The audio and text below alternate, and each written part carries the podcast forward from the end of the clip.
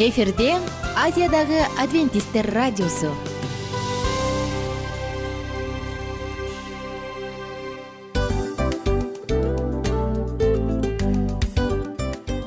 Достор салют.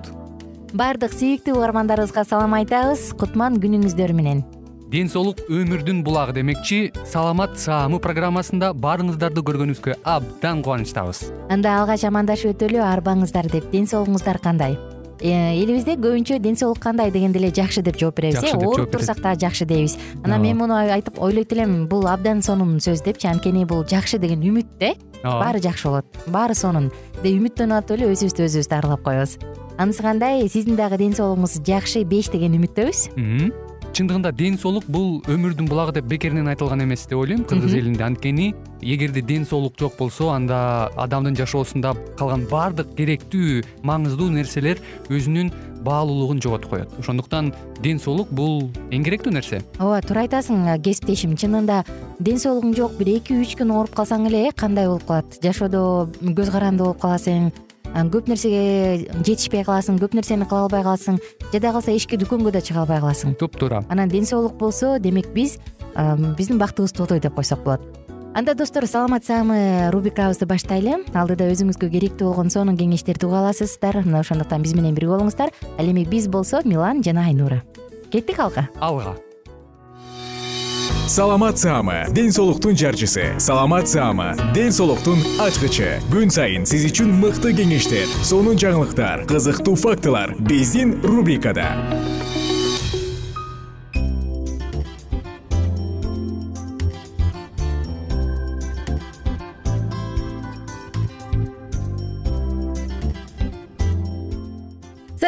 баардык угармандарыбызга ысык салам айтабыз. Сиздер менен бирге саламат саама радио баракчасындабыз. Кайрадан жана биз өзүн сүйгөн ден соолугун барктаган баалаган адамдардын угармандарыбыздын баардыгын дал ушул рубрикабызга чакырабыз. Анткени сиздер менен бүгүн алдыдагы дарыгерлер менен болгон маекти керектүү гана эмес маанилүү жакындарыбызга өзүбүзгө жардам берчү балдарыбызды саламаттыкта чоңойто алчу сонун маалыматтар менен бирге маалымдар болобуз мына ошондуктан угармандар баарыңыздарды биз менен бирге болууга чакырмакчымын. Анткени бүгүн чындыгында алдыдагы дарыгерлер менен болгон маекте өзүңүзгө керектүү сонун маалыматтарды ала аласыздар. Достор адамда биринчи байлык ден соолук деп бекер айтылган эмес э? Мына ошондуктан биринчи эң керектүү болгон байлык бул биздин сиздин ден соолугуңуз. Үстүңдөгү үч кабаттуу үй алдыңда беш түрлүү машина кымбат баалуу унаалардан эч бир пайда жок. Эгерде ден соолук болбосо. Ошондуктан угармандарыбыздын баардыгына бекем ден соолук каалоо менен бирге биз саатыбызды баштадык. Алдыдагы маалыматтар сиздер үчүн. Достор эгер суроолор болсо сөзсүз түрдө саламат клуб сайтынын ютуб каналына кирип ал жакка комментарий калтырып суроо жөнөтсөңүз болот. Биз сиздин сурооңузду жоопсуз калтырбайбыз. Жагымдуу мүнөттөрдү бирге тосолу уруксат этсеңиз мен ушу бир дагы бир эмени айта кетсем ушул ушул маркетинг боюнчачы. Мен деген көп ушул соц тармактарда көп отурат элем. Анан ар кандай адамдардын кандайдыр бир эмесин карайм да э, эмнени талап кылат эмне кандайдыр бир суроо кандай суроолор туулат э ошо биздин жарандардын арасында э мисалы арыктоо боюнча элечи алганда мисалы жанагы голофодо деле көп э мисалы көптөгөн соц тармактарда бар эмес беле жана көбүнчөсү эле жана таблеткаларды жана тим эле чудо таблетка деп коет э, тим эле жомоктуудай болгон тиги таблеткаларды аябай эметет да реклама кылышат да жарыялайт арзан дагы турат бизде деген оригиналдуу түрдө э, жеке гана бизде эле оригиналдуу. Анан кийин там эме мисалы бир миң эки жүз сомго э, жыйырма сегиз күндүк сен деген пакет эме таблетканы сатып аласың да бир айдын ичинде он килограммга сен арыктайсың деген жарнамалар аябай көп болуп кетти да анан анын түрлөрүн көрсөң абдан көп. Чайы дагы бар таблеткасы дагы бар анан кийин ар кандай мази дагы бар толтура да. Анан ошолордун баарын карап анан мисалы жана э, эме комментарияларды эле окуйсуң да эми адамдар эмнеге кызыгышат депчи. Анан ошолордун астына эми көп да ошону ишенгендер аябай абдан көп да. Э, мисалы жана жыйырма сегиз күнгө чейин чын мисалы менин деле курбум бар. Ошонун эмесине боюнча кандайдыр бир окуясына жараша айта кетсем эмнеге ошону айта кеттим э? Жыйырма сегиз күн чын эле ичиптир. Ошо бир таблетканычы ал дагы кытайдан экен. Анан мен анын коробкасын жана сырткы келбетин берип турчу мен көрөйүнчү э, составында эмне бар экен деп мен аябай кызыгуу менен алдым да. Э, жөн эле коробкасын деп берчи мага өзү кереги жок өзүң берсең мен бир сыйра окуп берейин сага кеңешимди айтайын өзүмдүн жардамымды көргөзөйүн деп. Ошол кеңешин карап отурсам эч кандай бир эме составында эч нерсе жок да. Жөн эле мынтип жазып коюптур да. Эми кытайча кытайча дагы орусча жазышыптыр эми орусча да туура эмес анан мынтип жазып коюптур да жалаң гана эме депчи өсүмдүк э, эмесинен депчи өсүмдүктөрдөн өсүмдүктөрдөн жасалган табигый деп жазып коюптур дагы бирок эмне камтыйт эч нерсе жок такыр эмеси маалымат жок. Анан мен айттым эми суроо бердим да менденчи эң биринчиден. Сен ушуга ишенесиңби десем эми билбейм элдин баары эле алып атпайбы арыктап атышпайбы анан тиги интернеттен деген инстаграмда деле мисалы до и после деп мисалы ага чейин анан андан кийин деп дагы сүрөттөрүн киргизип атат анан мен ошого ишенип атам деп мындай эмелер болуп атат да. Кандайдыр бир ишенич менен тим эле аябай көзүм ишенгиси келип атат. ишенгиси келип аябай мага ушинтип айтып атат да эми ушуну айтып койчу туура эле иче берсемби депчи анан мен эми ошондойлор абдан көп чын элечи анан мен ошол э, сатка сатып алган кишиге кайрылдым да. Эми эме мисалы эме болупчу как э, сатып алуучу болупчу э, эмне деген бул жерде жазылбаптыр анан сиз мага толук маалымат берип койсоңуз десем ал деле мага толук маалымат бере алган жок. Ким ким ким алып келет ушул эмени ким жоопкерчилик мисалы эртеңки күнү мен организм бирдеме болуп ооруп калсам ким жооп берет силер жооп бересиңер десем такыр кепилдик бере албайт да. Ошондуктан мен ушу жарандарга кайрыла кетерим. Эч качан эч убакта арыктайм деп ошондой жана э, белгисиз эч ким билбеген кытайдан келген мындай кандайдыр бир түшүнбөгөн мисалы башкача ар кандай чайларды жана таблеткаларды ичкенден баш тартыңыздар. Бул силерге кандайдыр бир убактылуу эле сизге результатын көргөзүшү мүмкүн. Бирок кийин кийин сиз ушул кийин бара бара ошонго ошондон улам силер көптөгөн э, ооруларды ооруларга чалдыксаңар болот да ошол мен ошону айта кетейин дегем рахмат. достор биз азыр бир суроого жооп берип берсеңиз андан кийин биз көрөрмандарыбыздан келип аткан достордон келип аткан суроолорго кезек беребиз.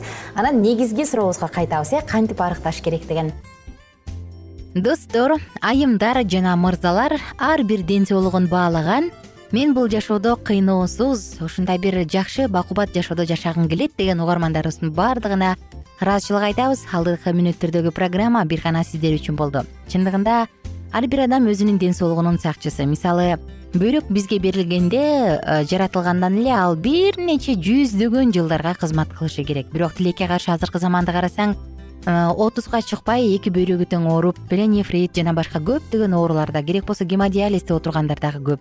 Ушул сыяктуу мисалдарды айтып отурсак абдан толтура мен эмнени айткым келет. Эгер ден соолукту өзүңүз карабасаңыз анда аны сизге эч ким кайтарып бербейт. Ооба жумуш оокат баардыгы керек бирок ден соолукту анын ордуна бербеңиз.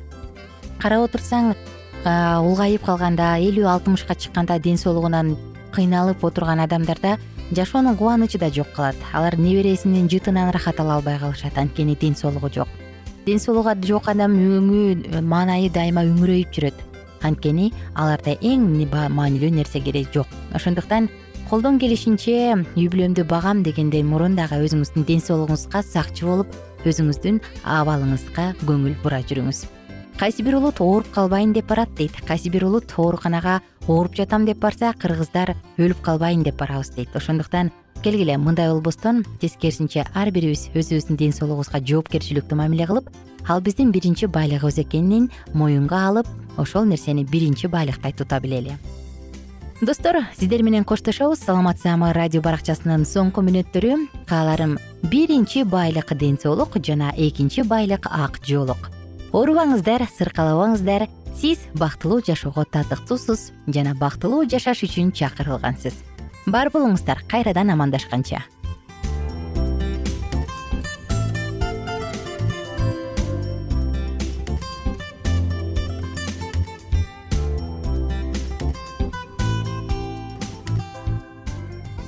Кененирээк маалыматтар үчүн үч w чекит саламат чекит клуб сайтына келип таанышыңыздар жана андан тышкары социалдык тармактарда youtube facebook жана instagram баракчаларына катталыңыз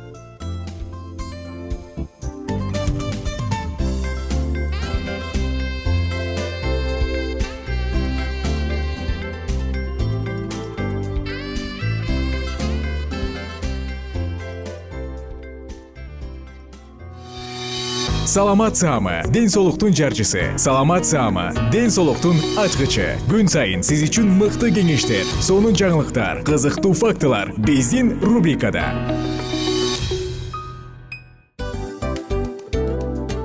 Салам достор. Кайрадан биздин сүйүктүү рубрикабызга кош келиңиздер деп айтмакчыбыз. Баардык замандаштарыбызга арбаңыздар деп саламыбызды айтабыз. Улуу ушундай бир урматтаган учурашуу менен анан дил маек радио баракчабызга чакырабыз. Негизи дил маек биздин рубрикабызда эмне жөнүндө кеп кылабыз? Бул дил маектин мааниси эмнеде? Рубрикабыз менен кичине тааныштырып кетсеңиз. Сөзсүз түрдө тааныштыра кетейин кесиптешим суранычы боюнча бул учурда бул радио баракчада биз ар тарап кесип ээлеринен сонун кеңештерди алабыз сүйлөшөбүз сырдашабыз аталарыбыздын эжелерибиздин апаларыбыздын кеңештерин угабыз айтор жан дүйнөгө адамдын э, сапатына адамдын деги эле адам болуп жашашына керектүү баардык кеңештер алдыда. Негизи э, дил маек дегенде баягы эки адамдын ортосундагы сырдашуу кенен сүйлөшүү. Негизи эле биз адамдар бири бирибиз менен бир жерге жай жерге отуруп алып өзүнчө тынч э, жашоо жөнүндө өмүрүбүздө эмне болуп атканын бөлүшкөнү жакшы көрөбүз э адамдар. Ооба туура айтасың анан мындай учурга кээде убакыт да жетпей келет э? Же болбосо сырыңды кайгыңды муңуңду кубанычыңды айткың келет а адамга ишенбешиң мүмкүн. Ооба. А бул радио баракча угармандарыбыздын чыныгы досу. Анткени бизден алган кеңеш сиздин жашооңузга чоң жардам берет. Ал эми сиздин бизге айта турган сөзүңүз ортодо гана сыр бойдон калат. Ошондуктан биздин дил маек рубрикабызга дагы бир жолу кош келиңиздер. Жана биз даярдаган маалыматтарга даяр болуңуздар. Айнура жана милан сиздер менен бирге алдыга кеттик ар түрдүү ардактуу кесип ээлеринен алтын сөздөр жүрөк ачышкан сыр чачышкан сонун маек. Дил маек рубрикасында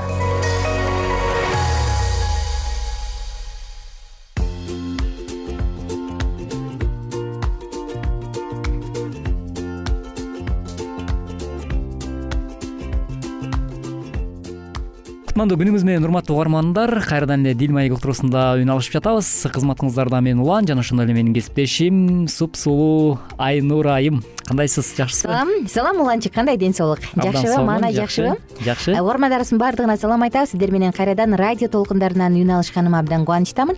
Жана бүгүн сиздер менен бирге ушул позитивдүү ой жүгүртүүдөн кийинки баланы кантип гений кылып тарбиялаш керек? Мына ушул жаңы чоң актуалдуу темалардын биринин үстүнөн сөз кылып жатабыз кесиптешесиңерби бир уктурууда биз айта кетпедик. Белек сөздүн күчү бар депчи. Ооба. Анан ошондо ата энелердин балдарын башкаларга салыштырганы балдарын урушканы э өпкөңдү үзөм өтүңдү үзөм беле э? өтүңдү алам беле? Э, өтүңдү алам э туурасы өтүңдү алам. Анан сениби анан андай мындай деп жаман сөздөр менен урушкандарын айткып бул сөздүн жашоосунда күчү бар экенин жана ал орундаларын айтканбыз. Ооба. Ошол сыяктуу эле ушул гений кылып тарбиялоодо дагы биз ушундай бир чоң катачылыкты кетирет экенбиз биздин менталитетпи жок менталитет деп айтыш бул мындай элди басынткандыкка барабар болуп калат го дейм. Биздин өзүбүздүн канчалык бир деңгээлде туура эмес ой жүгүртүүбүз э келесоо десе мээң иштебейт. Ойлонбойсуңбу өзүң эле?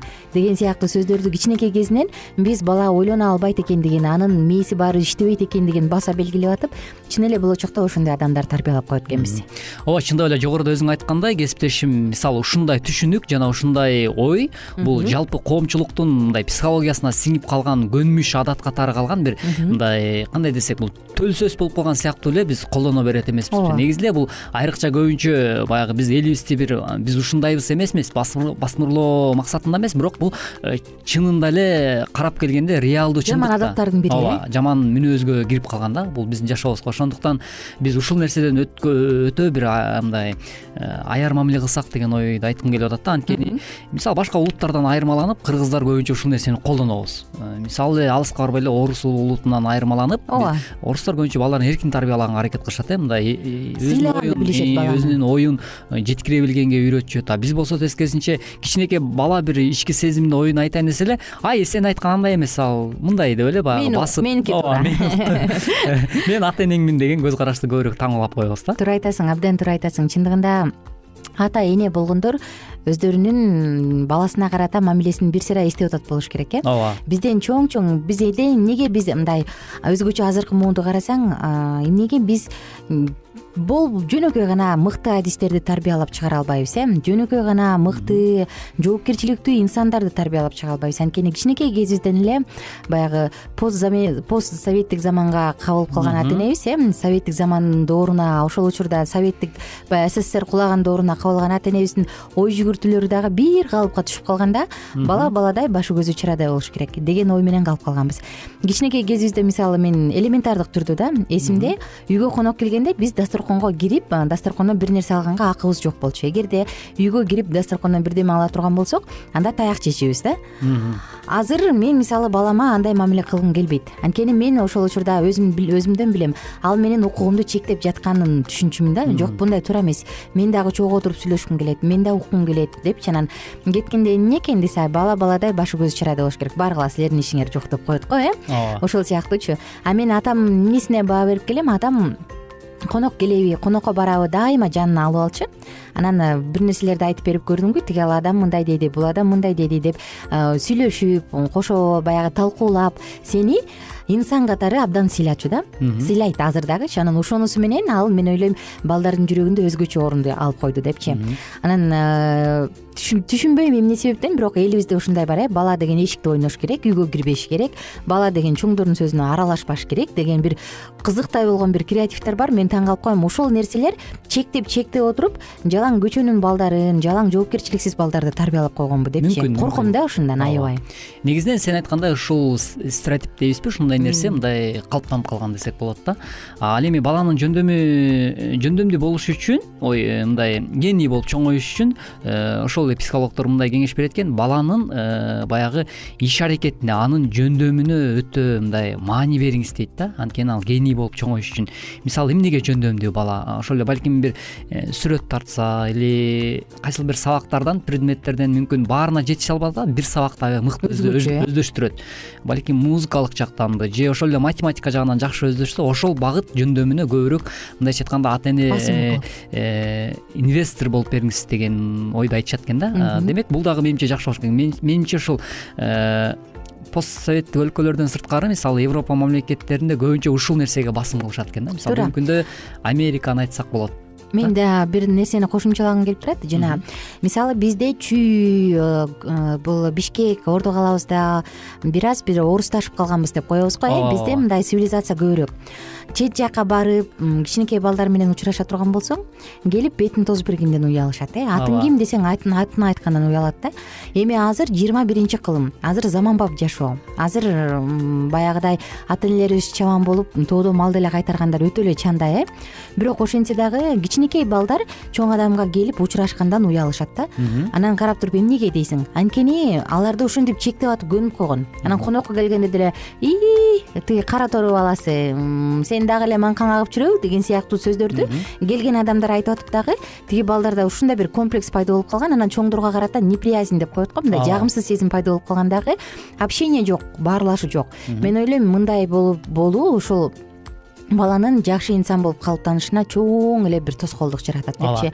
Мен э, баягы жолдошум түптөн болгондуктан көлдүк болгондуктан байма бай бат бат барып турабыз да анан барганда балдарды көрүп таң каласың мисалы менин эле кичинекей эки жарым жаштагы тең кыздарды карасаң атың ким? десең айткандан уялат э, качып кетет уялат. Мындай бир уялганынан бир башкача бир кылык жоруктарын көргөзүшөт да анан эгерде азыртан ошол эле балдарды ушинтип бөлүп кое турган болсок болочокто деле мыкты адис өсүп чыгат деп ишенич жок да андай кепилдик жок.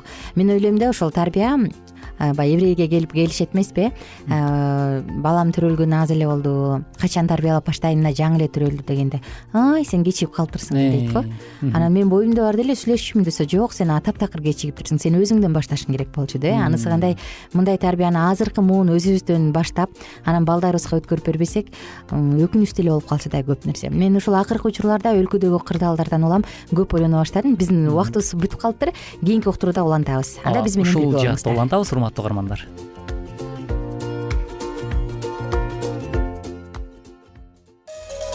Ар түрдүү ардактуу кесип ээлеринен алтын сөздөр жүрөк ачышкан сыр чачышкан сонун маек дил маек рубрикасында.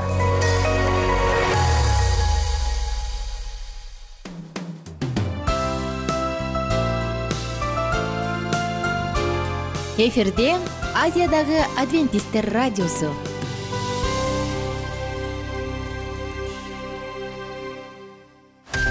жан дүйнөңдү байыткан жүрөгүңдү азыктанткан жашооңо маңыз тартуулаган жан азык рубрикасы.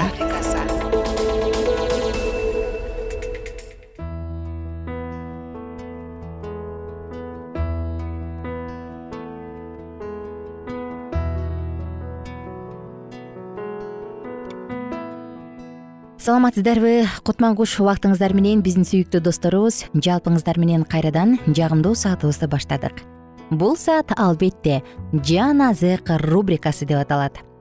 Сиздер менен эске сала кетсек бул уктурууларыбызда азыркы цикл бул акыркы заман же болбосо акыр заман барбы дүйнөнүн келечегин эмне күтүп турат деген кызыктар болгон суроолорго жооп берүү максатында биз аян китеби менен таанышып жатканбыз. Жана бул чыгарылышыбыз акыркы сот тууралуу. Аян китебинде эмне деп айтылган? Мына ушул тууралуу кенен маалымат алууга камданып жана баштаганбыз достор эсиңизде болсо биз мурунку уктуруубузда аян китебинде тазалануу аян китебиндеги сот качан башталат канча убакыт созулат жана тазалануу деген эмнени түшүндүрөт? Бул тууралуу эски осуятта пайгамбарчылык китептеринде эмне айтылган? Мына ушул тууралуу дагы сөз кылганбыз. Келиңиздер бүгүн болсо сөзүбүз кур болбош үчүн ыйык жазуунун негизинде ушул жолугушуубузда дагы сөз кылалы. Биздин жолугушуубуздун принциби эмне эгерде бул тууралуу библияда ыйык жазууда жазылган болсо анда мен ага ишенем. Эгер бул тууралуу ыйык жазыыда эч нерсе жазылган эмес болсо анда бул кабар мен үчүн эмес. Бул биздин принцип жолугушууларыбыздын. Жана биз мурунку уктуруубузда ыйык жайдын тазаланышы эмнени түшүндүрөт дегенбиз. Келиңиздер бир аз ушул тууралуу кайталайлы дагы. Андан соң темабызды андан ары уланталы. Келгиле. Эски осуяттагы ыйык жайга кайтып ыйык жайдын тазаланышы деген эмнени билдиргенин билели. Муса пайгамбардын китептеринин жардамы менен биз төмөнкүлөрдү биле алабыз. Эски осуят учурунда жашаган адам күнөө кылганда каарданганда бир нерсе уурдап алганда калпайтып же кумарга алданса козу алып келип ыйык жайда курмандык чалган козу кентипсиз жана таксыз болушу керек болчу күнөөкөр күнөөлөрү үчүн курмандыкка чалуучу жаныбардын жанында тобо кылыш керек болгон. Символикалык түрдө күнөөкөрдүн күнөөсү жаныбарга өтчү. Күнөө үчүн жаза өлүм. Козу күнөөкөрдүн ордуна өлчү. Ыйык жайдагы кызмат эмненин символу болгон. Ыйса машаяктын айкаш жыгачтагы өлүмүнүн символу. Жылына бир жолу ыйык кызмат кылуучу жердеги ыйык жайдын ыйыктын ыйыгы деген бөлүгүнө кирчү. Бул окуя сот күнү деп аталчу. Бул сот күнү болчу. Ошондой эле аны ыйык жайдын тазалануу күнү деп дагы аташчу. Жылдын ушул маанилүү күнүндө ыйык кызмат кылуучу ыйыктын ыйыгына кирчү. Бир жыл бою ысрайылдын күнөөлөрү ыйык жайга символикалык түрдө келип турчу ошондуктан жылына бир жолу сот күнүндө ыйык кызмат кылуучу ыйыктын ыйыгына кирип ыйык жайды тазалаш үчүн символикалык түрдө адамдардын күнөөлөрүн эчкиге салып анан аны чөлгө кое беришчү.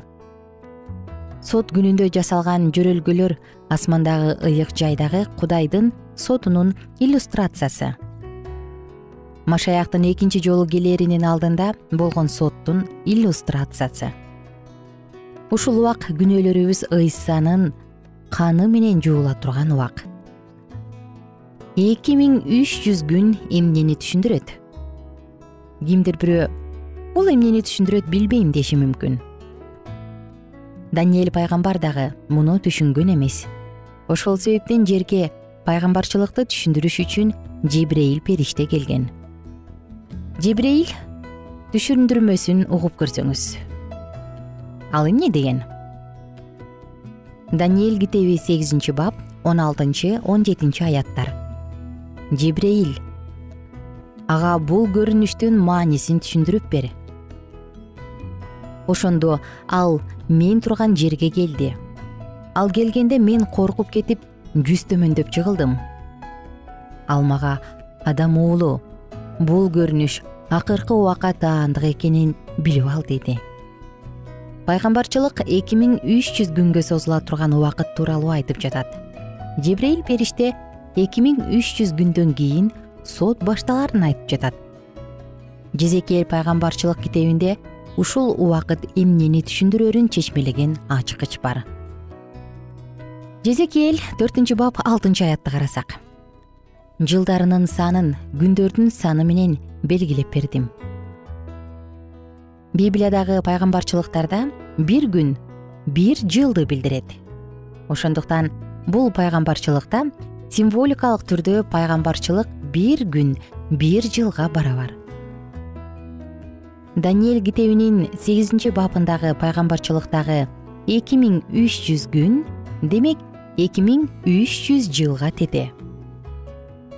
Эми пайгамбарчылык түшүнүктүү боло түшкөндөй. Эгер библия бизге эки миң үч жүз жылдын төмөнкү жагындагы чекитти берсе бул мезгилдин аякташынын убагын оңой эле билип алабыз. Анан сот качан башталганын дагы билебиз. Ыйса бүгүнкү күндө ыйыктын ыйыгындабы? Биз жер тарыхынын уникалдуу убагында жашап жатышыбыз мүмкүнбү? Муну билиш үчүн достор кийинки уктуруубузду сөзсүз түрдө калтырбай угуңуз. Сот качан башталат же башталганбы? Бул эмне болгон сот? Келиңиздер кийинки уктурууда кенен карайлы. Достор биз сиздер менен бул ушул менен убактыбыздын соңуна чыгып калгандыктан уктуруубузду жыйынтыктайбыз жана сөзсүз түрдө кийинки уктурууда эмне болот эмне болгон эки миң үч жүз күн эки миң үч жүз жылбы жана ал качан башталып качан бүтөт? Бул тууралуу сонун маалыматтарды уга аласыз баардыгыңыздарга кааларыбыз. Көңүлдүү күн бүгүнкү күн дагы сиз үчүн сонун маанайды тартууласын деген гана тилегибиз бар. Ар бир сөз сиздин жүрөгүңүздө тирүү ишенимдин үрөөнүн себе берсин деген тилек. Зор мына ошондуктан достор кийинки уктуруулардан кайрадан амандашканча. Күнүңүздөр мыкты маанайда уртуңуздардан жылмаюу кетпей жүрөгүңүздөн кубаныч кетпей улана берсин. Бар болуңуздар достор кайрадан сиздер менен амандашканча сак саламатта туруңуздар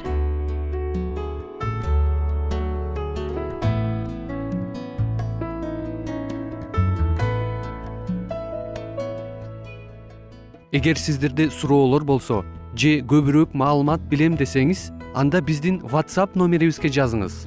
Плюс бир үч жүз бир жети жүз алтымыш алтымыш жетимиш. Кайрадан плюс бир үч жүз бир жети жүз алтымыш алтымыш жетимиш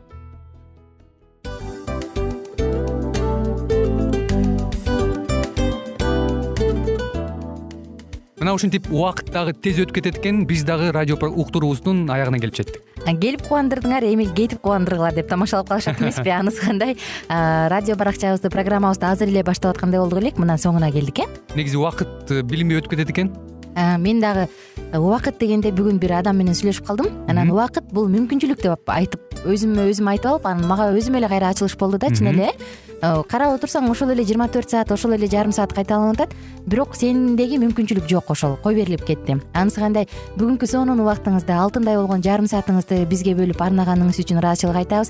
Анан жашооңуздун кайсы бир сферасын өзгөртө турган сонун пайдалуу кеңеш алган болсоңуз анда биз максатыбызга жеттик. Анан ушул нерсени кылбасам десеңиз ошол өзгөрүүлөрдү кичинекей кадамдардан баштап иш жүзүнө ашырыңыз дагы жашооңузда чоң чоң ийгиликтерге жетиңиздер чын жүрөктөн ар бир берилген кеңештер сөздөр сиздерге пайдасын алып келет деп ишенебиз. Жана кийинки уктурууларда сөзсүз түрдө чыдамсыздык менен сиздерди күтөбүз. Сагынычтуу салам айтып кайрадан дал ушул жыштыктан баардыгыңыздарды тосуп алганча кызматта мен айнура жана кесиптешим милан. Анда кол булгалайбыз жалпыңыздарга ийгиликтүү күн. Саламатта калыңыздар